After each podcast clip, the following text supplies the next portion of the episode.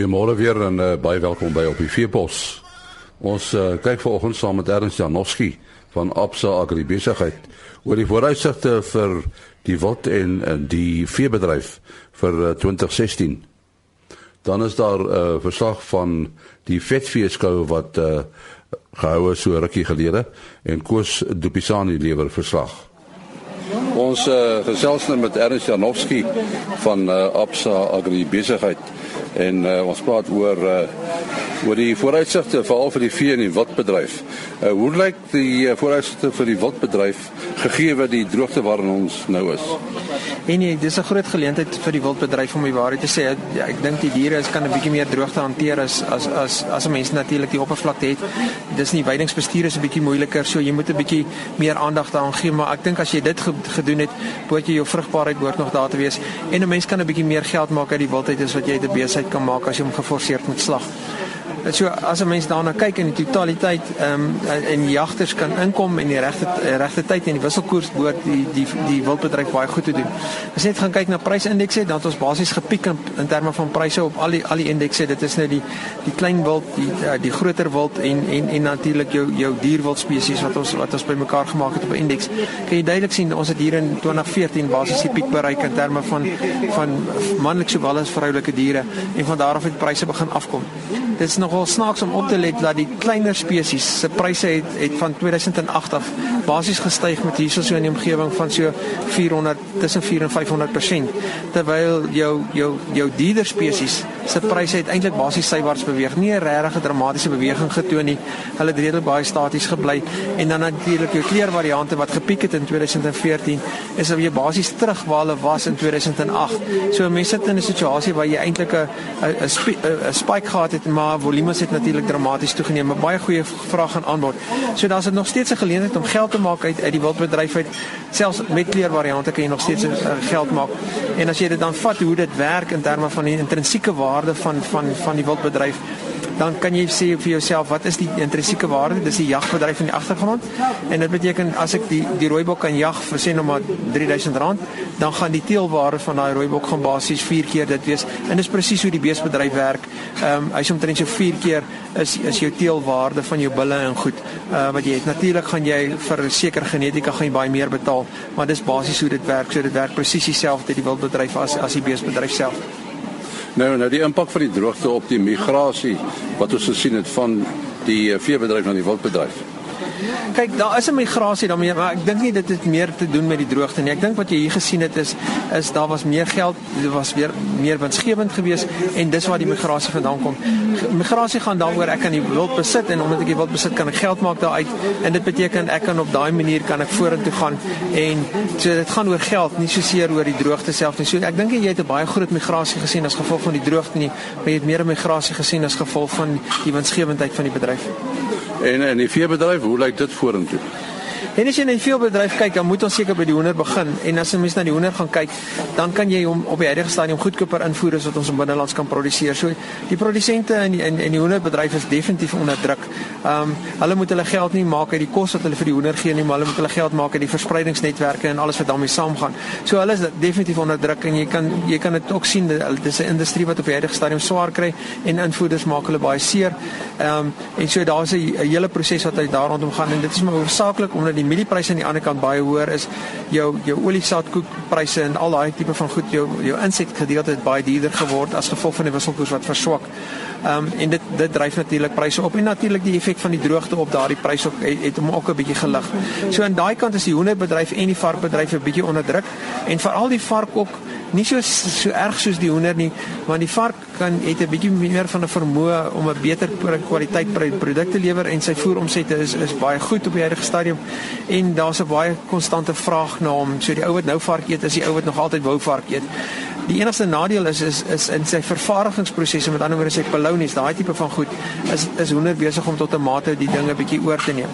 As jy na na na beeste toe gaan, is dit ongelooflik wat daar besig is om te gebeur. In die wêreld het die vraag na beestevleis net dramaties toegeneem. Ehm um, en daar's daar's groot vraag veral in die Asiëse markte tot 'n baie groot mate na vore gekom. Dit maak skielik dat invoerpariteitspryse van beestevleis is eintlik hoër as die verbruikersprys van beestevleis. Skielik het ons nou 'n skielike uitvoermark gekry Uh ons kan ons beeste vleis uitvoer waar ons vroeër nooit kon beesvleis uitvoer nie. En dit stimuleer die beesvleisbedryf op die huidige stadium. Dis ook ten, dat ons ten spyte van 'n 11-12% verhoging in slagtings eintlik nog steeds dit reg kry om hoër pryse te kry jaar op jaar. En dit is net dood eenvoudig omdat opvoer uitvoere uh, of invoere na ons toe eintlik besig is om op te droog. So ons is baie opgewonde daaroor. Ons is sê hierdie hierdie die hele beesbedryf is besig om 'n struktuurverandering in te gaan in Suid-Afrika en dit behoort ons baie goed te staan in die toekoms in. Ehm um, so ek is baie opgewonde oor wat gaan gebeur in die beesbedryf. Baie dankie Ernst Janowski. En nou stel ons vir uh, Koos de Bisani aan die woord. Ons is hier op Jakkals uh, Kop Fietsjie skou vir 2015. Nou Jakkalskop is so 30 km noordwes van Tosca. En ten spyte van die knellende droogte wat die boere hierso moet verduur, is hier vir jou vandag 'n klomp pragtige diere vertoon. Ons gesels 'n bietjie met Piel Tron en ehm um, hy is een van die organiseerders van die skou. Giel, hoeveel diere het julle uh, vanjaar by die skou? Ons het vir jare 180 diere wat aangeskryf is hier by die skou. En hoeveel vertoners was daar? Uh ons is 19 vertoners wat diere ingeskryf het. Julle is al elke jaar as julle word julle aangewys as die grootste vetvee-skou in die land sover ek weet. Ja, vir die afgelope 3 jaar was ons het ons was ons elke jaar die wenners van die grootste vetvee-skou in die land en uh ons hoop om dit vir jaar weer te bereik. Ek glo julle sal dit kan regkry, maar met die droogte wat deesdae aan die gang is, hoe vergelyk die hoeveelheid diere wat julle vanjaar het met die diere van verlede jaar en die jaar voor? Uh ons het 'n redelike afname teenoor verlede jaar en die jare voor dit. Ek kan dit nie toeskryf aan die droogte nie of gedeeltelik nie toeskryf aan die droogte nie. Uh maar ons hoop ons gaan dit uh in in die toekoms gaan ons dit weer teruggaan na ons normaal toe. Ons staan gewoonlik so op 2 280 diere. Uh is ons normale uh veegetal vir die skou. Maar as jy nou sê dat ehm um, jy dink nie mense kan dit heeltemal toeskryf aan die droogte nie, waaraan skryf jy dit toe? Ekonomiese druk. Jy weet dit dit dit dit kos ons heelwat om om 'n kalf af te rond vir hierdie hierdie skou. En uh ek dink die ekonomie druk maar redelik kwai en en aan die een kant en aan die ander kant is die droogte. Die mense wäre liewerste uh, hulle kapitaal om miskien te gebruik vir vervoere en goed aangesien daar nie veel staatshulp meer is nie. Maar die die vetvee-skoue dit is besig om redelik pos te vat in die land. Wat is die waarde van die vetvee-skoue vir die vir die gewone boer? Die waarde van die vetvee-skou is dat ons ons in die eerste plek wil ons vir die mense wys ons kan vir die verbruiker kwaliteit vleis gee.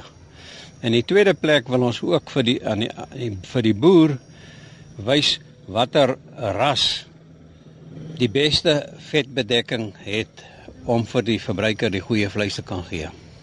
Uh as jy kyk na die na die uh, kalwers wat ons vandag hier in die skou het, dan sê jy sien die meerderheid van hulle is is of Bonsmara of Brahman tipe kruisras uh uh, uh beeste. En en dit is uit en uit wat ons die afgelope 15 jaar al ondervind dat dit die twee uh, uh, rasse is wat wat vir ons die redelike goeie vetverspreiding oor die hele karkas gee. Dink jy julle gaan vanjaar weer kan aangewys word as die as die grootste en die beste vetveeskou?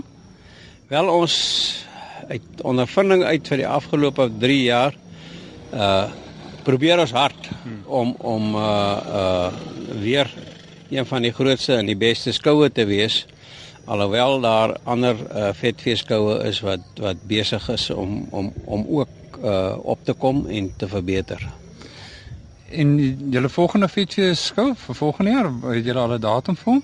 Ja, ons volgende vetveeskou, ek praat onder korreksie, maar dit gaan hier in die dink ek die 8de of die 9de November wees. Dit gaan 'n bietjie paar dae vroeër wees as verjaar maar dit gaan in die begin van November wees.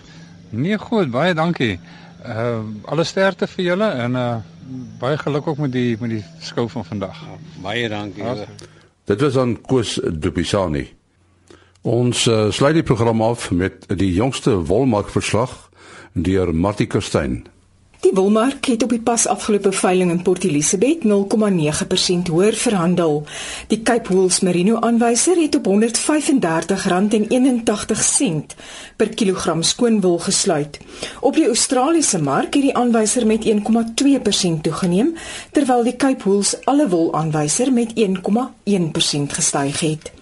Die gemiddelde skoonwolpryse vir die seleksie binne die verskillende kategorieë goeie, langkamwol tipes is soos volg: 18,5 mikron bly onveranderd teen R146,65 per kilogram. 19 mikron verswak met 0,2% tot op R142,13 per kilogram.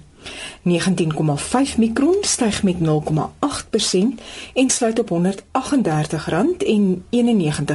per kilogram. 20 mikron versterk met 0,5% tot R135,96 per kilogram. 20,5 mikron styg met 0,3% en sluit op R134,47 per kilogram.